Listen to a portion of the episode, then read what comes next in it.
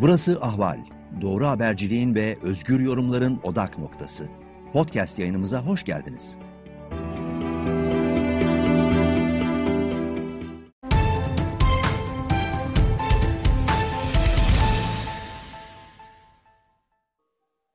Herkese merhabalar. Sedat Peker videoları Türkiye gündemini sarsmaya devam ediyor. Öncelikle bu soruya bir yanıt aramaya çalışacağım. Sedat Peker videoları niçin bu kadar etkili? Ben Sedat Peker'e inanıyor muyum? Karşımızda nasıl bir aktör var? Daha sonra da somut olarak karşımızdaki devlet yapısı nasıl? Kimlerle işbirliği yapmışlar? Ve Sedat Peker hangi zayıf noktalara ve aktörlere ateş ediyor? Aslında hedefinde kimler var? Gibi sorulara yonu, yanıt aramaya çalışacağım ya da bunları görebildiğim kadar sizler için yorumlamaya çalışacağım. Öncelikle hepimizi şaşırtan bir adam var karşımızda.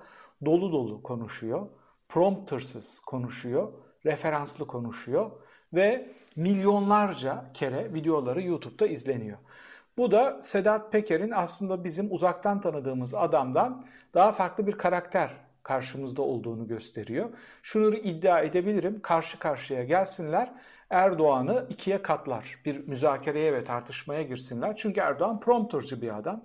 Hayatında üç tane kitap okumamış. İşte çok şey yaparsa, zorda kalırsa özet okumuş bir adam. Pratik zekasına, kıvraklığına güvenen, e, içgüdüsel olarak siyaset yapan bir adam. Sedat Peker ise öyle değil. E, inanılmaz referanslar veriyor. Gerek Türk literatüründen, gerek küresel literatürden, gerek dini literatürden o çapta bir adamdan, o işlere bulaşmış bir adamın e, veremeyeceği, sıra sıra ard arda sıralayamayacağı bir şey var karşımızda. Daha ötesinde bir hukuk profesörü gibi savcılara ders veriyor. Mevcut savcıların aslında ne kadar boş olduğunu, onların AKP kontenjanından avukatlıktan atandığını, müktesebata e, müdahil olamadıklarını ve onlara nasıl, benim bu verdiğim verileri nasıl değerlendirirseniz, hangi somut yolları takip ederseniz bir dosya hazırlayabilirsiniz ve benim ifşa ettiğim adamları aslında tutuklayabilirsiniz diyor. Gazetecilere de ders veriyor ve diyor ki burada bunların delilleri olması lazım derken siz de boş boş konuşuyorsunuz. Çünkü teknik o kadar gelişti ki benim bu okumalarımın satır aralarında verdiğim delillerle bile siz isteseniz gücünüz yetse kendi çıkarlarınız için yorum yapmasanız çıkıp bunları tutuklayabilir, yargılayabilir, operasyon yapabilir, devamını takip edebilirsiniz ve en somut olarak verdiği örnekte şu, tonlarca kokain, kokain yakalanmış. Bunun Mersin limanında, İzmir limanında teslim alacağı şirket belli. Kolombiya polisi açıklama yapıyor, adres gösteriyor ama siz karşı tarafta Türkiye'de bu adrese yönelik en ufak bir soruşturma bile yapmıyorsunuz. Yani isteseniz aslında delil çok çok fazla e, demeye getiriyor. Açıkçası e, itiraf edeyim beni şaşa, şaşırtan bir performans sergiliyor. Bugün Erdoğan'ın reytinglerini biliyoruz. Yerlerde geziniyor. Aynı konuşmaları birkaç sene farklı tekrar yapan, prompturdan okuyan, insanları heyecanlandıramayan, bilgi ortaya koyamayan, hesap soramayan, devletin değil de çıkar çetelerinin ve kendi oluşturduğu beşli çetenin yanında durduğu için insanların e, yakından takip etmediği bir adam var artık karşımızda. Herhangi bir konuda, herhangi bir çatışmada artık hepimiz Erdoğan'ın promptercılarının ona ne yazacağını ve ona ne okutturacağını çok iyi bildiğimiz için hiçbirimiz Erdoğan'ın konuşmalarını takip etmiyoruz. Ben şahsen siyaset bilimciyim. Erdoğan'ın son 5-6 yıl içinde takip edip dinlediğim konuşma sayısı 3'ü 5'i geçmez. Ee, onun dışında sosyal medyaya düşen ya da medyaya düşen 2-3 satır okuduğunuz zaman zaten bu adamın ne diyebileceğini, nereye sıkıştığını, hangi kartları oynayabileceğini hepimiz biliyoruz.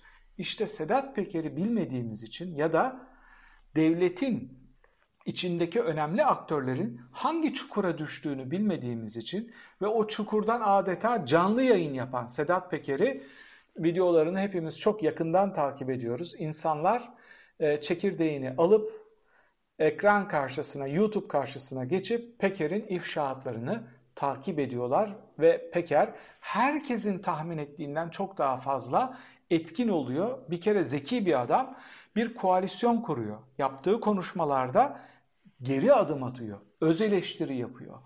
İşte o kanlarını içeceğiz dediği akademisyenlerden şu şu şu şu yerde duranların hepsinden özür dilerim diyor. Bir öz eleştiri yaparak bulunduğu cephedeki taraftar sayısını artırıyor ve asıl odaklanılması gereken yere insanları konsantre ediyor. Kendi üstündeki soru işaretlerini bertaraf ediyor. Bunu yapamayan aktörlerden çok daha zeki olduğunu, çok daha stratejist olduğunu hepimize gösteriyor. E, peki ben Peker'e inanıyor muyum? Ben Peker'in yaptığı açıklamaların birçoğuna inanıyorum. Peker'in zayıf bulduğum şeyi sadece şu, e, yaptığı stratejiyi, oluşturmaya çalıştığı stratejiyi iyi kötü anlamış gibiyim. Saraya dokunmuyor ama sarayın yani gardını düşürecek. İleride iktidardan devrildiğinde işin onlara dayanabileceğini, gelebileceğini çok iyi bildiği dosyaları, küçük dosyaları ifşa ediyor. Çok büyük dosyaların ve konuların da ucunu gösteriyor. Ve diyor ki hadi gelin bakalım siz kimle dans ettiğinizin farkında mısınız? Bana öyle bir muamele yaptınız ki siz benim elimdeki silahların farkında bile değilsiniz. Ve ben işte 17-25 dosyası gibi elimdeki silahın hepsini birden ateş edip e, kamuoyunun vicdanına her şeyi bırakmam diyor. Yani kamuoyuna da güvenmiyor ve sizi parça parça öldüreceğim diyor. Yani sizden parça parça kopartacağım ve her gün ya da haftada iki kere ölüp ölüp dirileceksiniz diyerek elindeki barutu da birden harcamıyor. Yaptığı strateji e, çok çok önemli ve bir cümlede birkaç tane farklı ifşaat yapıyor. Siz diyorsunuz ki mesela bir örnek vereyim. FETÖ bahanesiyle namuslu insanların mallarına çökülüyor diyor Türkiye'de. Ve böyle bir pazar oluştu ama bunu söylerken neyi söylüyor aslında? Türkiye'de bir kaset ticareti olduğunu, bir kaset siyaseti olduğunu ve bunu yapan bir derin yapılanma olduğunu, ağırın da bu yapılanmanın başında olduğunu söylüyor ki öyle bir ülkede yaşıyoruz ki genel başkanların, genel başkan yardımcılarının müsteşen kasetlerle devrildiği, değiştirildiği ama demek ki ailelerin mallarına da çöküldüğü bir ülke varmış karşımızda. Bunu anlıyoruz. Peki bahsettiği pazar, kokain pazarı milyar dolarlık, milyar yani yüzlerce milyar doların döndüğü bir pazar. Bir ülkede 10 milyon euroluk, 10 milyon dolarlık arsaların, binaların saraya sorulmadan, danışılmadan paylaşılamadığı bir ülkede milyar dolarlık bir pazarın sarayın haberi olmadan paylaşılabileceğini, ona bir pay gitmeyeceğini, onun hamiliği altında e, bu işlerin dönmediğini iddia edebilir misiniz, söyleyebilir misiniz? Böyle olmuş olsaydı zaten çok rahat bir şekilde hepsini paketleyip şu anda tüm güç ellerinde onlara operasyon yapar, üstlerine gider ve netice alabilirlerdi. Peki oluyor mu böyle bir şey? Olmuyor. Şimdi halk Sedat Peker'e inanıyor mu? Bence geniş kitleler Sedat Peker'e inanıyor. Zaten kızgın bir halk var karşımızda ama ben bunu farklı bir yere taşıyacağım. İnanmakta o kadar geciktiniz ki dop dolu dosyalarla ülkeyi milyarlarca dolarlık zarara uğratan 17-25 dosyalarıyla yerle bir olurken Türkiye Cumhuriyeti hem imajı hem ekonomisi siz çalıyor ama çalışıyor dediğiniz için iş buralara kadar geldi. Şimdi Sedat Peker'i bir tarafa bırakalım. Bugün Berat Albayrak çıksa, delilleriyle birlikte son 10 yılda dönen her şeyi ifşa etse, tek tek tek bunları anlatsa, onun kapısına ya da suçladığı insanların kapısına gidecek ya da dosya düzenleyecek bir savcı var mı? Bir dava açacak hakim var mı? Peki o delilleri takip edecek bir polis teşkilatı var mı? Bu sorulara var diyebiliyor musunuz? Bu sorulara var diyemiyorsanız aslında Sedat Peker'e de şu soruyu sormamız gerekiyor bu yapı oluşturulurken sen de izliyordun. Sen de o işin iyi kötü kenarında köşesindeydin. Şimdi Kopenhag kriterlerindeki bir devlete inanıyor musun? Özgürlükçü ve demokrat bir cumhuriyete inanıyor musun? Eğer buna inanıyorsan artık elindeki dosyaları böyle bir şeyin kurulabilmesi için ortaya dökmen ve çok daha somut hamleler yapman ve gençleri belki de buraya motive etmen gerekmiyor mu? Bizim karşımızda görebildiğimiz yapı şu Geriye sadece uzun zamandır iddia ettiğimiz yapı şu. Geriye sadece seçimin sandığın kaldığı, onun da üstünde 40 türlü oyunun oynandığı, devletin içinin boşaltıldığı bir parti devletinin inşa edildiği bir yapıdan size burada bahsediyordum. Sedat Peker sadece son 5 yılda altını çizerek sizlere anlatmaya çalıştığım devletin ben teorik olarak anlatıyordum. O içini somut delillerle doldurarak diyor ki evet karşınızda bir devlet yok. Pazarlıkla, güçle, mafyayla iş kotaran bir tek adam rejimi var. Burada hukuk olduğuna inansaydım zaten geri dönerdim diyor.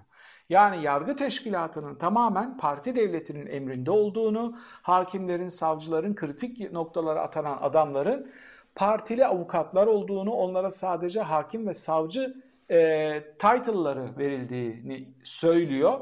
Evet, bunlar sadece bugüne kadar söylediğimiz çok somut verilerin, delillerin altı çizilmiş hali. Peki şu soruyu da bunun üstüne soralım. Berat Albayrak'ın üst, itiraf etse bunların çok daha fazlasını üstüne gidecek bir devlet, bir yargı teşkilatı yok. Peki daha kritik soru şu. Sedat Peker'in yatırıp kaldırdığı bir yapının Sedat Peker'in elinde bulunan bilgilerin çok daha fazlasını elinde bulunduran dış istihbarat örgütleri acaba ne yapıyordur? Onları nerelere yatırıp kaldırıyordur? Onlara neler yaptırıyordur? Onları dış politikada nereye hapsediyordur? Onlar da dosyaların ucunu gösterip hangi neticeleri alıyorlardır? Saray dediğimiz yapı Tek adam dediğimiz despotluk Türkiye'nin en büyük güvenlik zaafıdır. Sedat Peker ifşaatının altı çizilmesi gereken devlet açısından, millet açısından, hepiniz açısından en büyük verisi, en büyük tespiti budur. Bunun üstünde yapılacak tespitlerin hepsi bunun altına sıralanabilecek çok küçük şeylerdir. Türkiye Cumhuriyeti küresel ve yerel suçlara bulaşmış bir çete tarafından yönetilmektedir Sedat Peker gibi bir adamın yatırıp kaldırabildiği bu yapıyı dış istihbarat örgütlerinin, birimlerinin neler yapabileceğini varın siz düşünün. Bu tahminlerinizin ötesinde büyük bir risk, tahminlerinizin ötesinde çok korkunç bir güvenlik zaafıdır. Benim finalle alakalı yorumum şu, yani yaptığı ifşaatlarla alakalı detaylara çok fazla girmeyeceğim. Bu birazcık daha gazetecilerin yapması gereken bir iş o takibat. Ama elinizde kalan son veri sandıktır. Sedat Peker de size bunu söylüyor. Elinizde sandıktan başka hiçbir şey kalmadı. Sandığa tutunup iktidarı değiştirebilecek hamleler yapıp kitleleri benim gibi yanınıza çekebilirseniz, risk alabilirseniz, benim gibi yurt dışına kaçmak zorunda kalmadan olayların üstüne gidebilirseniz cumhuriyetinizi, devletinizi, belki bir gün hukuk devleti ve demokrasinizi geriye alabilirsiniz. Ama bunları yapmadığınız takdirde sizin için çıkış yok. Ben bile çıkamadım, yurt dışına çıktım ve geride kalanları kurtarabilmek için şimdi atış yapmaya başladım diyen bir aktör var karşımızda. Ee, bir gün gerçekten Türkiye'de iktidar sandıkla değişirse ki benim umudum bu yönde hep bu umutla yaşayacağız. Hep bunun altını çizeceğiz. Bunun aksini söylediğimiz zaman saray çetesine bir de seçim hırsızlığı yapma kredisi vermiş oluruz. Sonuna kadar sandıkta çok ezici bir zafer kazanmak için. Bu çeteye karşı tüm demokrat cephenin bir araya gelerek Kürdüyle, Türküyle, demokratıyla, milliyetçisiyle, laikçisiyle, kemalistiyle önce devletini ve cumhuriyetini kurtarabilecek bir yapılanmada bir araya gelmesi için onları zinde ve umutla bir arada, bir arada tutmaya devam edeceğiz. Daha sonrası için ise kayıtlara geçmesi hususunda bir önerim var. Mutlaka iktidar değiştiğinde bir şeyleri delillendirmek için değil, bunlara aşık olmuş kör, muhafazakar kitlelerin kısmen bazılarının gözünü açabilmek için mutlaka bir itirafçı yasası çıkması gerekiyor.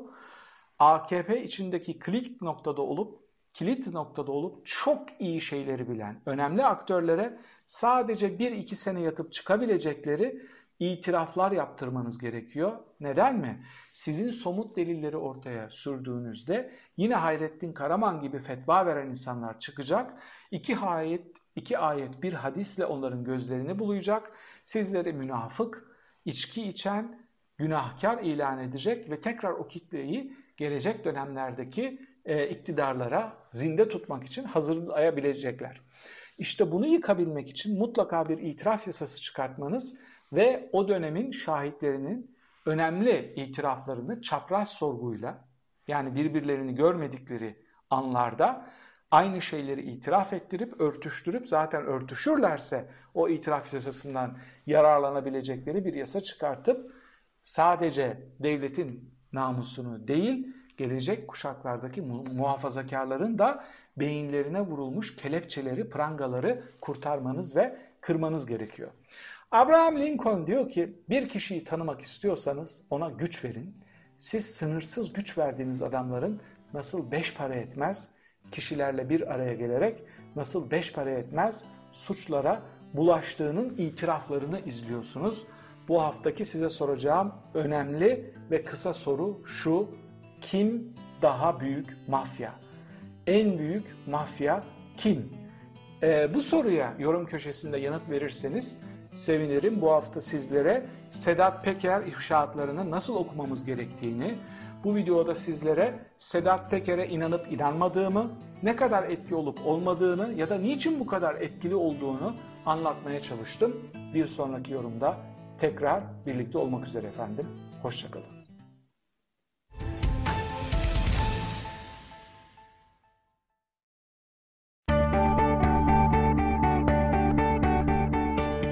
Ahval podcastlerini tüm mobil telefonlarda Spotify, SoundCloud ve Spreaker üzerinden dinleyebilirsiniz.